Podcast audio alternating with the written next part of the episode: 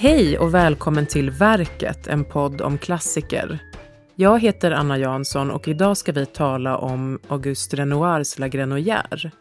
Målningen är utförd 1869 och gjordes en sommardag när Renoir tillsammans med Claude Monet skildrade utflyktsplatsen La Grenouillère strax utanför Paris. Det räknas som en av de första impressionistiska målningarna och innehåller allt det som kännetecknar konststilen impressionism. Tydliga penseldrag, intresse för ljuset och en social förankring i det moderna livet som växer fram i Paris vid 1800-talets slut. Med mig för att tala om det här verket är Paula von Wackenfeldt, docent i modevetenskap vid Stockholms universitet och expert på fransk kulturhistoria. Hej! Hej! Och Per Hedström, utställningschef på Nationalmuseum och expert på 1800-talets bildkonst. Hej! Hej! Per, kan du kort beskriva den här målningen? Och jag ska också säga att den går att se på anekdot.se. Ja, absolut. Vi ser en uh, scen från en... Det, man ser att det är ett vattendrag där det ligger båtar, roddbåtar i förgrunden och i mitten av målningen någonting som ser ut som en slags uh, ponton eller en liten ö, rund plätt liksom ute i vattnet där det har samlats en grupp människor. Eh, och sen lite längre in i bilden mot bakgrunden så skymtar man segelbåtar eh, och kanske några roddbåtar ute på, på det här vattnet och sen i bakgrunden som en fond eller kuliss av, av grön skimrande träd. Jag får en känsla av att det är popplar eller någonting höga träd liksom som en slags ja, vid stranden på andra sidan där. Och eh, det är ett flimrigt ljus liksom i bilden som bland annat, alltså man får en känsla av att det, ljuset liksom flimrar och rör sig. Och det här eh, effekten uppnås väl rätt mycket av att vattnet, det är som ett sånt där lite stilla kluckande vatten. Liksom. Våg, vågor som rör sig lite grann. Men det ser ut som en vacker och lugn dag. Liksom det känns som att det är mitt på dagen, alltså dags, klart dagsljus. Um, och sen om man tittar lite närmare på, på bilden så ser man detaljer som till exempel att till vänster om den här lilla ön eller vad det är så är det människor som badar. Man, det sticker upp huvuden i, i vattnet. Uh, och sen allra längst till höger i bilden så är det en det ser ut som en byggnad som man vet var en, en restaurang eh, som låg vid vattnet där. Och det hela är målat väldigt, ehm, eh, så att säga, ser ut som att det är målat snabbt med väldigt, väldigt tydliga penseldrag och lite slarvigt nästan. Så de här båtarna i förgrunden ser ut som att de är liksom, ja, konstnärerna har inte varit jättenoga liksom, med att de ska bli perfekta. Eh, och även figurerna på den här ön är ju väldigt summariskt dit eh, målade. Så. Ja, eh, ungefär så. Tack. Eh, men vad var det här då för, för plats, Paula, som Per nu har beskrivit? Ja, La Grenouillère var alltså en tillflyktsort eh, eh, som låg vid floden Seine eh, som, eh, på, i regionen Ile-de-France där eh, både Paris och Versailles till exempel ingår.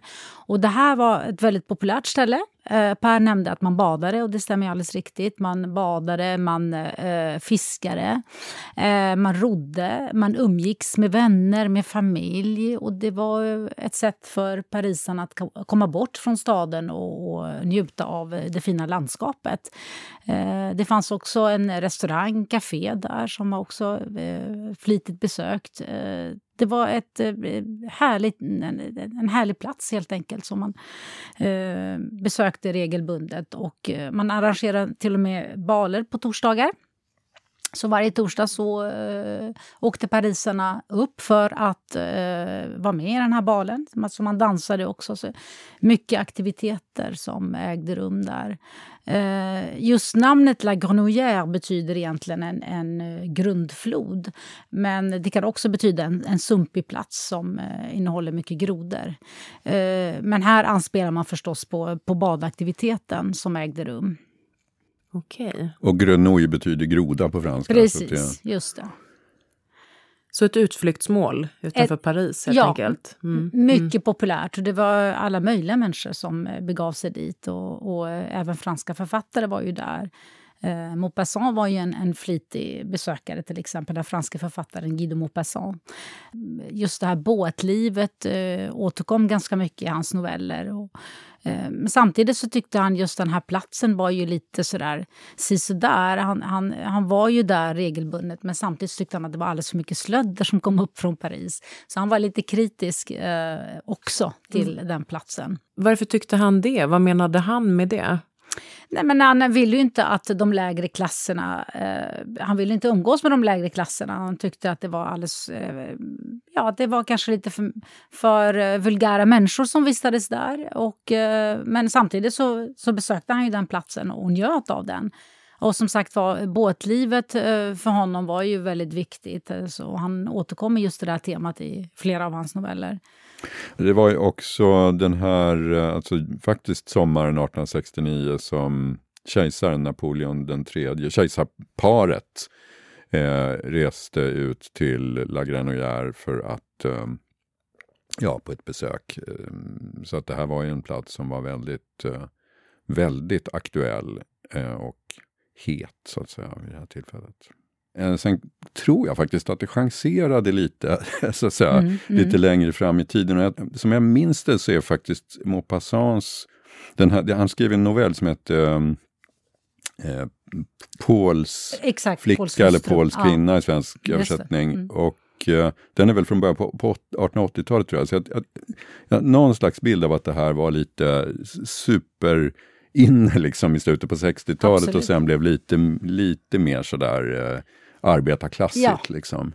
Ja, men det är alldeles riktigt. Absolut. Det är som du säger, alltså själva kejsaren och kejsarinnan var ju också där. Så det visar ju på, eh, på den populariteten som den här platsen hade. Men så, det, det, var ju dels eh, borgerskapet, dels eh, ja, de lägre klasserna som så småningom också hittade till den här platsen. Så det var ju lite blandat skulle mm. jag säga. Och jag tror faktiskt att det kan ha varit så att, de, att, att, att ett skäl till att Monet och Renoir åkte dit var att det var så eh, så hett. Så att säga. Ja. Det, det, här var ett ställe man skulle ja, till. Verkligen. Och att, att måla den här miljön var ju också ett sätt att liksom fånga eh, en, en, en del av det moderna parisiska livet som var så inne som det kunde vara. Och det är klart att det fanns ju en sorts nästan marknadsföringspoäng i det här. Alltså att man målar det som är mest aktuellt och, och, och sådär som folk vill uppleva och se. Det är också ett sätt att kunna sälja Alltså att sälja bilder av det är ju också något som, som man då kan tänka sig att man kan göra.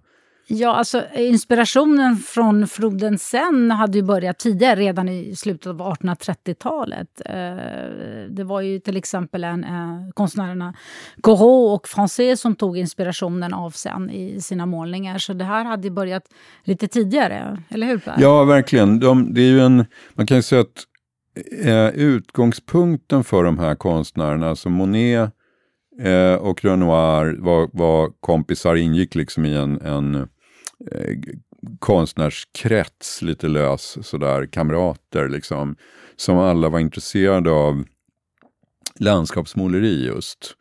Och de var intresserade av landskapsmåleri i motsats kan man säga till, till konst som var, hade ett mer berättande innehåll, alltså historiska motiv eller mm. mytologiska motiv, så här, som var mer liksom populärt eh, och viktigt i, i akademikretsar. Eh, och som var den typ av, av konst som i mer traditionell mening värderades högst. Eh, men det här att måla landskapet, eh, att måla landskapet och naturen som den ser ut, liksom utan att, att, att liksom idealisera det. Sådär. Det var någonting som var, som var nytt och som de här unga konstnärerna, för eh, Renoir var ju vid det här laget eh, inte 30 år ens då. Så um, det, det, här var liksom det som var, det var, det var en av utgångspunkterna. Själva landskapet då, och en annan viktig utgångspunkt i den här säga, inställningen att man ska skildra verkligheten som den ser ut. Eh, och sen den, en tredje aspekt här som, som är viktig är också just det moderna. Att eh, landskapet, Monet var kanske mer av, av en konstnär som var inriktad på rent landskapsmåleri. Framförallt kom han ju att bli det så att säga med tiden. Renoir var mer intresserad av, av, av människor. Människor, mer, ja, mer porträttmålare, Mm. mer en konstnär Mm. som målade vardagsscener med, med människor i, i, i stadsliv och sådär. Men, eh, men att, att, att, just lyfta fram ett sånt här aktuellt, en aktuell plats liksom var eh, precis det man, man ville vid den här tiden. Per, skulle du kunna säga något mer om konstnären Renoir? Vem var han? Ja, absolut, han var ju ehm, uppvuxen i Paris egentligen. Han var född i en, en, en mindre stad som heter Limoges som ligger i centrala Frankrike. Men, men eh, uppvuxen i Paris. Hans pappa var skräddare har jag för mig. Det är en, ja, sådär lite enklare liksom hantverksfamilj. Eh, ehm, han var uppenbarligen väldigt konstnärligt uh, intresserad, var väldigt duktig sångare tydligen, som mm, ung eller barn. Och eh, t- tror att, att det faktiskt var så att man tänkte sig någon slags musikkarriär. Men eh, så blev det inte. Han började istället eh, arbeta som, som ganska ung på en porslins, eh, alltså en porslinstillverkningsindustri där man alltså, ha- helt enkelt handmålade eh, tallrikar och så. Ehm, och, eh, så att han blev, började liksom sin målarbana som att, att, att, dekorera tallrikar eller porslin. Eh, sen eh, tog det där slut därför att den där industrin övergick till maskin. Alltså man, man målade inte för hand längre. Eh, och då började han söka sig till konstnärliga utbildningar och blev elev till en, en eh, målare som hette Glär.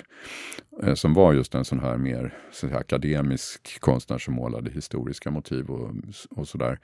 Och där hos den här konstnären så träffades eh, flera då unga konstnärer, bland annat Monet, Claude Monet och eh, eh, flera andra konstnärer som sen kom att forma den här impressionistgruppen. Så det där blev som en sorts eh, vad ska säga, den riktningen kom liksom att formas som en slags utifrån, en slags kamratgäng då som, som hade lite liknande eh, värderingar och mål liksom med, med, med sin konst.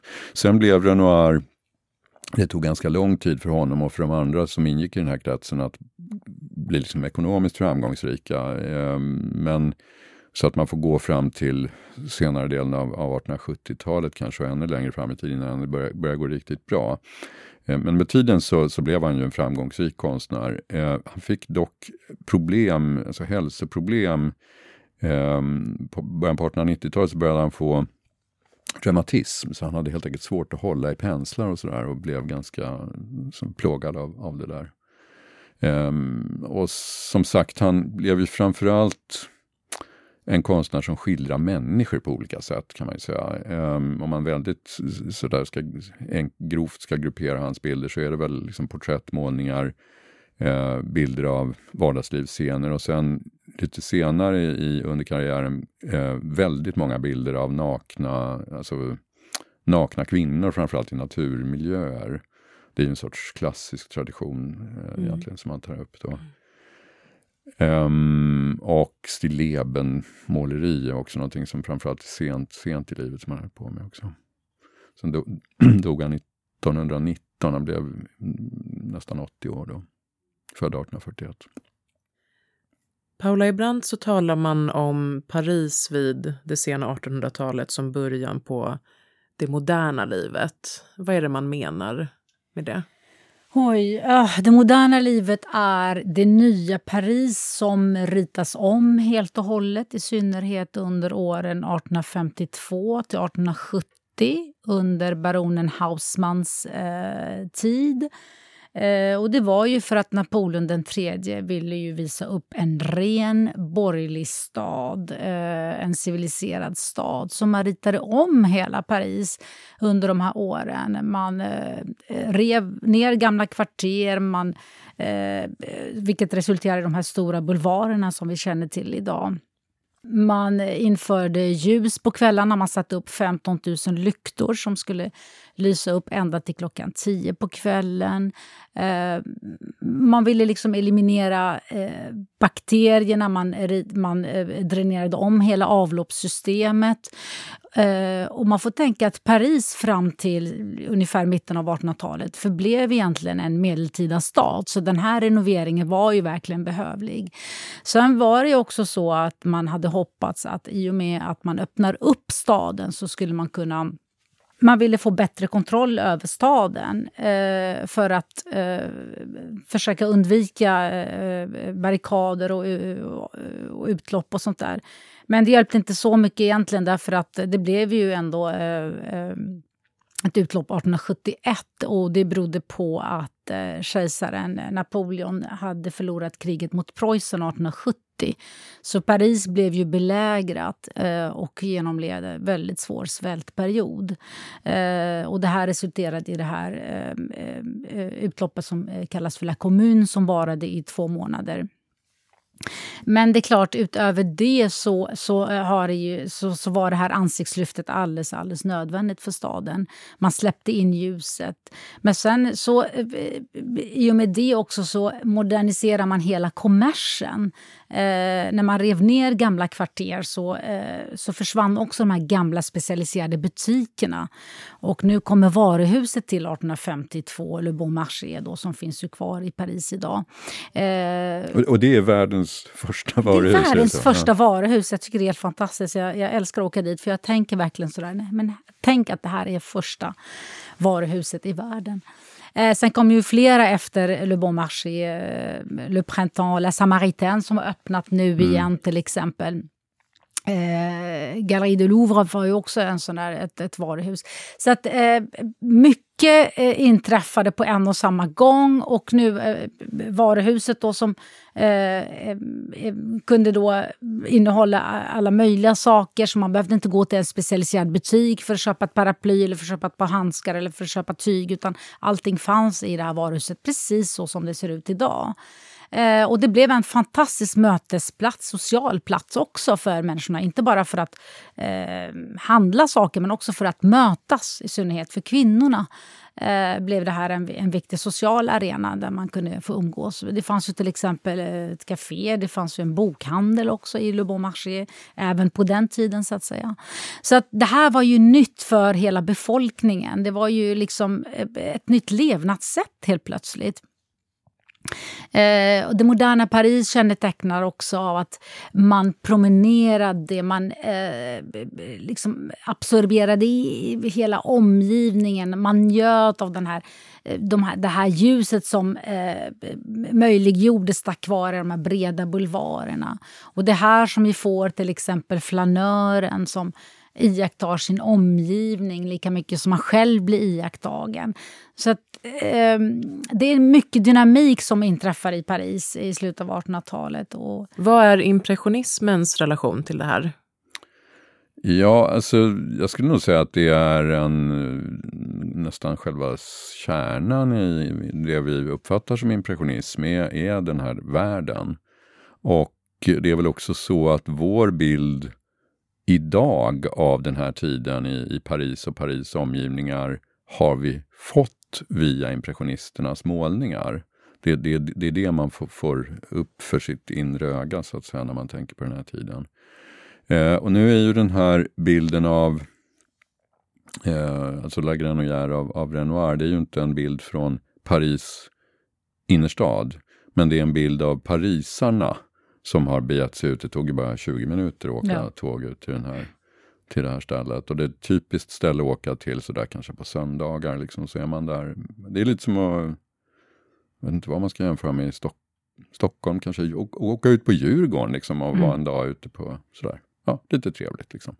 Och det här är ju också en del av, vill jag nog tro, alltså impressionismens otroliga framgång Eh, alltså att man möter en värld som är väldigt uh, inbjudande och trevlig. Alltså det, det ser väldigt, uh, man vill vara här liksom. Uh, och det är, det är en, en, en tillvaro, en miljö som, som är, var behaglig då, såg behaglig ut då för, för de här konstnärerna och de som var där och som fortfarande har, behåller den attraktionen. Men i sin tid så uppfattades impressionismen som radikal och någonting nytt. Ja, alltså det var den ju verkligen. Eh, och det här är väl en av de ett av de ögonblicken på något sätt i konsthistorien där man verkligen kan tala om en, en, ja, en revolution faktiskt. Alltså att man övergår från att måla väldigt detaljerat och noggrant. Liksom. Eh, liksom sådär, man, det, målningarna har en väldigt slät yta och allting är väldigt liksom, noggrant gjort. Till att plötsligt kunna eh, måla på ett sätt så att man ser liksom vartenda penseldrag och att det ser lite slarvigt ut. Och det här var ju, det här var ju liksom också varit både en framgångsfaktor, den här revolutionära kvaliteten liksom i det här, och ett, ett, ett problem när, när den här riktningen var ny. Um, och en, en sån, ett, ett problem var då att man i, sin, i, i den här tiden eh, kunde uppfatta bilderna som slarvigt målade. Eh, eller inte, de är inte färdiga, det är skisser bara. Det här, är ett, det, det, det, och det här var en, en, ett, ett riktigt problem, eller en riktig fråga. Och det är faktiskt fortfarande så att man inte riktigt vet om de här, om Renoirs La Grenouillère och om Monets La Grenouillère, för det var ju alltså så att de här två konstnärerna målade så, så vitt man vet idag i alla fall åtminstone sex målningar som är i, i hyfsat stort format då, från, alltså tre målningar var från, från den här miljön. Man vet inte om det var tänkt att vara färdiga målningar eller om det var eh, skisser egentligen. Och det finns en övergång här kan man säga, precis i den här tiden, där, där skissen börjar betraktas som, eller kan få status som, som, som fullständigt avslutat verk. Eh, och det här är ju liksom en intressant eh, brytning då, där, där, där det här, eh, ja, en, en övergång från ett, en, en, ett sätt att se på vad konst är faktiskt, till ett, ett, ett annat sätt. Hänger det ihop med annan med litteratur och modernitet? Finns det liknande paralleller? Ja, jag tänker faktiskt här i anslutning till, till Per sa just om det här skissartade. Det här är, finns till exempel i, hos konstnären Constantin Guy som berömdes så mycket av författaren eh, poeten och eh, kritikern eh, Baudelaire. Guy hade också det här sättet att bara liksom eh, skissa fram eh, eh olika porträtt och olika figurer. Och det här ansågs vara modernt. Eh, det är, man ska fånga upp känslan, man ska fånga upp dynamiken, man ska, man ska fånga upp nuet. Och det är det som kallas för moderniteten. Man ska fånga upp en viss pås som är väldigt specifik för just den här epoken. Eh, nej men Baudelaire var ju väldigt kritisk till eh, såna som Ingress till exempel. För han menar på att eh, sådana såna konstnärer blickar bara bakåt eh, och målar motiv som inte finns längre. Medan eh, eh, konstnären eh, Constantin Guy var ju en sån person som kunde verkligen eh, fånga upp nuet. Det var det som Baudelaire tyckte var viktigast. För det är nuet som vi kan eh, förstå dynamiken och samtidigt föreviga den. För när vi fångar upp nuet eh, i konsten, i litteraturen, så blir det förevigat. Det var det som han kallar för moderniteten. Och, och, det var ju det som eh, Baudelaire har skrivit en essäsamling som eh, heter Det moderna livets målare. Och det, det, det, handlar ju just om att försöka förstå det växande Paris, det nya Paris. Samtidigt som var han också kritisk till det nya Paris. Baudelaire har ju varit en, en, en ambivalent person, eh, så att det är inte alls konstigt. Han kritiserade tidningar samtidigt som han skrev för dem. Han kritiserade även eh, eh, fotografikonsten som han tyckte var bara ren imitation och ingen riktig konst och inte appellerade till fantasin. Samtidigt så poserade han för eh, fotografen Nadar, en av de här finaste bilderna. av honom tycker jag. Eh, så att han var ju ambivalent i sin hållning. Så att Paris var ju en oerhört spännande stad, dynamisk stad som hyllades men som också kritiserades inte bara av Baudelaire men även av andra författare. Alltså det, det är ju intressant det här du säger om, om Nadar eh, och fotografin som ju är en, eh, eh någonting nytt, alltså uppfinns på, på, på 18, eller, ja, 1840-talet blir det ju en, ett, ett, någonting som, som, som man börjar kunna, en teknik man kan börja använda för att avbilda verkligheten med. Eh, och det, man kan ju i grunden kanske säga att det finns en slags konkurrensförhållande mellan bildkonst och fotografi, även om det i praktiken är det inte så att måleriet upphör när fotografiet uppfinns.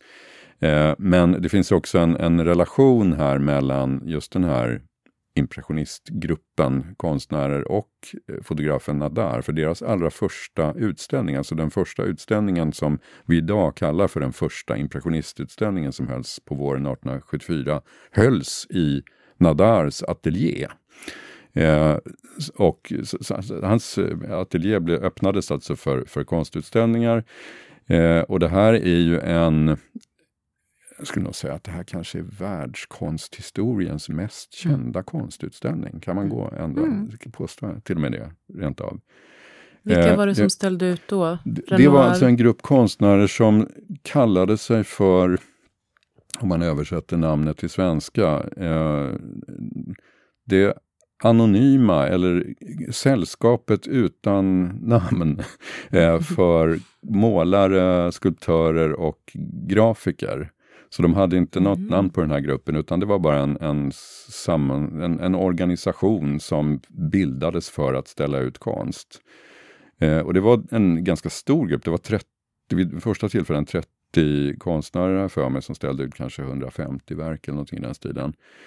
Eh, en ganska blandad samling konstnärer, men några av de här blev ju med tiden väldigt kända. Här fanns alltså Renoir, här fanns Monet, här fanns Degas, här fanns Berthe Morisot, eh, som är kanske den mest kända kvinnan i den här kretsen. Eh, Cézanne var med också, så det är några av de här liksom, konstnärerna som blev riktiga superstjärnor med tiden. Men det här blev ju då en eh, i, ska säga, i konsthistorieskrivningen en händelse som har uppfattats som en slags, nästan som en slags skandal. Varför det? Eh, jo, därför att det här som jag nämnde tidigare om, om slarvigt måleri och så, och att det här är bilder som inte är färdiggjorda. Det är en sorts, sorts fusk liksom, att ställa ut sånt som inte är, är färdigt såklart. Va? Eh, det bygger i hög grad egentligen på en recension eh, av den här utställningen som skrevs av en, en kritiker som heter Louis Leroy. Och han, eh, hans text är en sorts satir egentligen över, alltså han beskriver ett besök i den här eh, utställningen och hur eh, bland annat en målning av Monet som eh, hette Impression soluppgång eh, som han beskriver på ett raljerande sätt som att den ser ut som en slarvigt målad tapet ungefär. Och att det till och med är liksom nästan lite svårt att förstå vad bilden föreställer. Ungefär så. Och det här har då blivit, liksom, dels har man använt den där recension, eller hans text till att, så att säga, hänvisa till som en slags namngivning av den här gruppen, att det, man började kalla dem för impressionister utifrån den här recensionen och med hänvisning till den här målningen som sen blev väldigt berömd. Eh, men också Eh, ja, att det här raljerandet var någonting som var så att säga, typiskt för, för reaktionen. Och det, det, det är klart att det fanns en, eh, en, rätt mycket kritiska röster kring det här. Men man får också tänka på att den här texten var publicerad i en satirisk dagstidning. Så det är en sorts text som ju har ett ganska starkt, alltså den, den, mm. den ska vara eh, mm. lite skämtsam sådär. Eh, Dock var det så att de flesta recensionerna, det skrevs ganska mycket, alltså ungefär 50 recensioner i den här utställningen, var mm, absoluta majoriteten var, var väldigt positiva.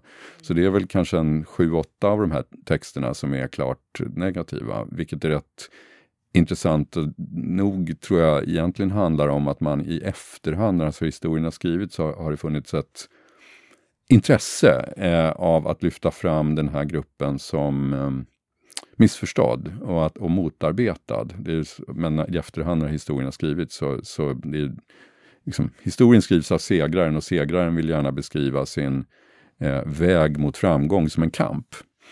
Eh, en kamp mot eh, konservativa eller reaktionära krafter. Och så här.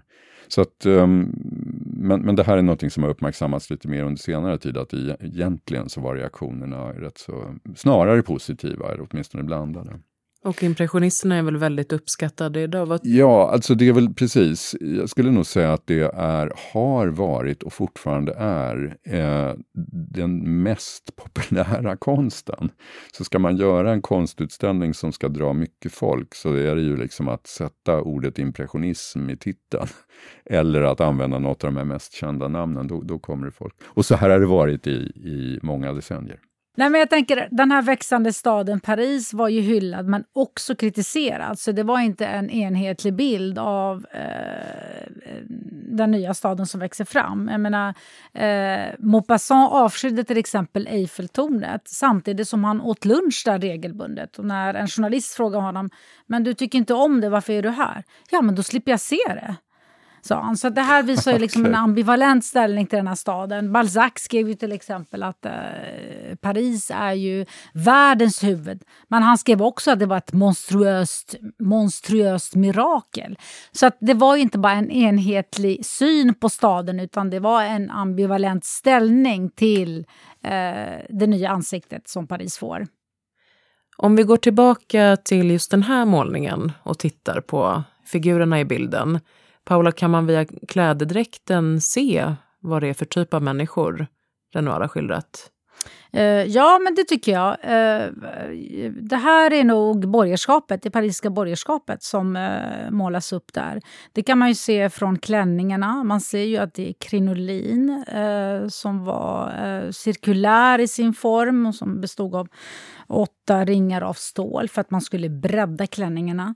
Och man ser även tornyr någonstans som, var, som skapar extra svans eh, i anslutning till eh, rygglinjen. Så att den här volymen på klänningarna eh, kan avslöja att det här är en bättre klass som eh, fångas upp eh, i bild. Eh, sen kan man ju också se accessoarerna. Man ser ju parasoller någonstans. Va? Och parasollerna var ju väldigt dyra. De var väldigt sköra och dyra på sin tid. Man ser också ett blått band kring eh, eh, den vita klänningen. Det är också, accessoarerna är oerhört viktiga för att förmedla eh, en, eh, en förfinad eh, apparens, så att säga. En, någonting extra utöver det vanliga. Så det här är, skulle jag säga, är borgerskapet som fångas upp eh, i målningen. Det, det, är en man som jag tror har, det som jag brukar liksom Blicken fastnar på hans randiga byxor. Är det något... Uh... Ja, det var ju en dandy look också som eh, var ju väldigt vanlig på den tiden. Och den elegansen som man ser på männen är också avslöjande. Så man ser att det här är bättre ställda människor som, uh, som fångas upp. Ja, absolut. Per, du sa tidigare att uh, man ibland eh, är osäker på om det här är en skiss eller en färdig målning. Mm. Men vad är det man menar då med att det skulle vara en skiss? Jo, alltså det här måste ju då ses i relation till annan konst från den här tiden. Eh, så att om man jämför hur det här är målat med en annan landskapsmålning från slutet på 1860-talet så, så ser man ju att det är mycket mer grovt målat. Alltså det är pensel, man ser långa tydliga penseldrag som, som också är ganska det är lite klumpigt. Liksom. Det, det, man kan nästan känna att här, här blev det inte riktigt som det ska vara. Eh, och, och, det är ju liksom en, en, en målar man snabbt en, en skiss, även en ganska duktig konstnär kan ju bli lite liksom, Eh, ja, man ser att det inte är riktigt färdigt, att det är lite tillfälligt liksom. Och att man ska vill, vill liksom fylla på på något sätt. Men som sagt, det är, det är svårt. Vi vet inte faktiskt om, om hur man ska uppfatta de här. Men det som är poängen på något sätt är att, att i den här tiden så börjar man värdera den, det skissartade eh, högre. Så att det kan plötsligt då få status av, av färdigt verk. Eh, och, och som sagt, från 1870-talet och framåt så har den här typen av, av bilder uppfattats som färdiga konstverk. Färdiga för försäljning. Liksom. Och att ställas ut. Och att ställas ut, ja. Precis. Det är ganska intressant här. Man, man skulle kunna kontrastera det här eh, skissartade mot det minutiösa, noggranna i litteraturen som förekommer till exempel hos en Balzac där varje liten detalj ska beskrivas. Eh, och dessutom eh, ska läsaren kunna skönja någon slags relation mellan eh, karaktären och den här detaljen och vad det än är för någonting. Så där går man in i detaljernas värld medan här i konsten så väljer man snarare att, eh, ja, att sudda ut gränserna. Det blir inte så... Ja, det, det, det är jätteintressant. Alltså det, mm. det, är två sätt att liksom använda verkligheten på något mm. sätt, eller den, den verklighet vi ser så att säga, mm. för att skapa någonting. Eh, I grunden handlar ju det impressionistiska måleriet om att måla så som det, det, det är så själva ordet impressionism ju beskriver alltså intrycket ja, av verkligheten. Man målar inte verkligheten. Alltså istället för att måla av ett landskap så målar man av intrycket av landskapet. Eh, och då, det, det, där har på något sätt då lett till, alltså man kan känna liksom att det här till, snabbt fångade eh, ger en känsla av ett intryck. Eh, det, det, finns en sån relation. Men i grunden är det ju fortfarande en, en, en, en, sorts realism, alltså att man försöker fånga någon sorts verklighet. Alltså antingen den verklighet som faktiskt finns eller den verklighet som vi upplever. Det finns ingenting av fantasi eller eget, eh, liksom, Nej, man, man, lägger mm. inte till någon slags det, det finns en sorts realism, eller hur? Absolut, precis. Ja. Men, men i bara, den här litterära exemplet som du tog så är det ju liksom att använda verkligheten för att eh, fånga någon, någonting som inte bara är, eh, finns i de, sedda tingen utan Nej, det, ska, det, finns en psykologi. Eller ja, exakt. Som, som liksom... ja, jag tycker det är fascinerande att man kan ju få intryck på olika sätt. Man kan få det exakt utstakat för sig eller så kan man skönja den på något vis. Att man, ja, båda får ju finnas sida vid sida. Det är ju det som är roligt. Vad är det som är så speciellt med den här målningen? Ja, alltså idag uppfattar man den här och de andra målningarna som Renoir och Claude Monet målade vid den här platsen eh, på sensommaren 1869 som själva födelseögonblicket för konstriktningen impressionism. Så det här är den första impressionistiska målningen kan man ja, säga? Ja, tillsammans med de andra som tillkom vid samma tid. Och det är liksom här som de, de, de karaktäristiska dragen för impressionismen liksom allra först syns fullt utvecklade. Liksom. Så det är en, ehm, och det här har ju då lett till att den är på Nationalmuseum, eh, vill jag nog säga, den, den mest efterfrågade målningen när det gäller eh, utlån. Alltså den, den, den är, vi får ständigt förfrågningar om att den ska lånas till olika utställningar som, som handlar om impressionism och om allt möjligt annat också. ska jag säga. Men, men det, det är ett nyckelverk alltså i, i den moderna konsthistorien. Paula, finns det någonting du särskilt tycker om med den här målningen? Jag tycker den är så fin, därför att jag älskar ljuset. Eh, jag älskar optimismen i den här målningen och det är väl det som är, impressionismen är också, att den inger någon slags optimism som också präglade eh, det parisiska samhället eh, under andra hälften av 1800-talet. jag tycker om elegansen i målningen, i synnerhet i dräkterna förstås. Jag tycker den är så hoppfull och det är det jag gillar i den. Ja, nej men jag kan tycka att det är, ja dels är det ju en väldigt, en härlig bild liksom. Det, man kan, det kan kännas som att man vill vara där. Jag kan också tycka att det är en, att det är otroligt att tänka sig att det är så länge sedan. Alltså det här är ju en banal eh, reflektion på något sätt. Alltså, men, men, men det är en, den här, det är en bild som känns fortfarande väldigt ja, den känns faktiskt modern. Alltså, det, man skulle nog kunna måla ungefär det här idag faktiskt. Eh, kläderna är lite annorlunda men, men man, det är ändå lite, lite suddigt målat. Så att det, man ser, ja, det, det, här, det, skulle kunna vara en, en, en samtida scen och, och, det är ändå liksom så, ja. Eh, men sen tycker jag det är ganska, om man tittar lite närmare på den, väldigt raffinerat hur, hur um, Eh, hur konstnären har målat eh, detaljer. Det finns en hund som ligger och vilar där. Det är någon figur som drar, drar en båt närmare den här lilla ön i mitten. Man ser eh, en man, den här mannen i randiga byxor som, som liksom står och lite Um, vi, ett, står upp men på ett lite avspänt vilsamt sätt liksom med ena knät böjt. Det är, det är sådana väldigt väl fångade detaljer som, som också gör bilden eh, vad ska man säga, både trovärdig och levande. Ja, väldigt levande, ja. Förresten, den här lilla ön där i mitten som man ser centralt i bilden, eh, den kallas för camembert, med, alltså med hänvisning Rundost. till den franska osten camembert. Mm. Och med det så får vi tacka alla som har lyssnat. Vi är snart tillbaka med ett nytt avsnitt av verket. Tack också till dig, Paula von Wackenfeldt, docent i modevetenskap vid Stockholms universitet. Tack, det har varit jättekul att vara med. Och tack Per Hedström, utställningschef vid Nationalmuseum. Tack. Du har lyssnat på Verket, en podd om klassiker, producerad av bildningsmagasinet Anekdot i samarbete med Nationalmuseum och Litteraturbanken.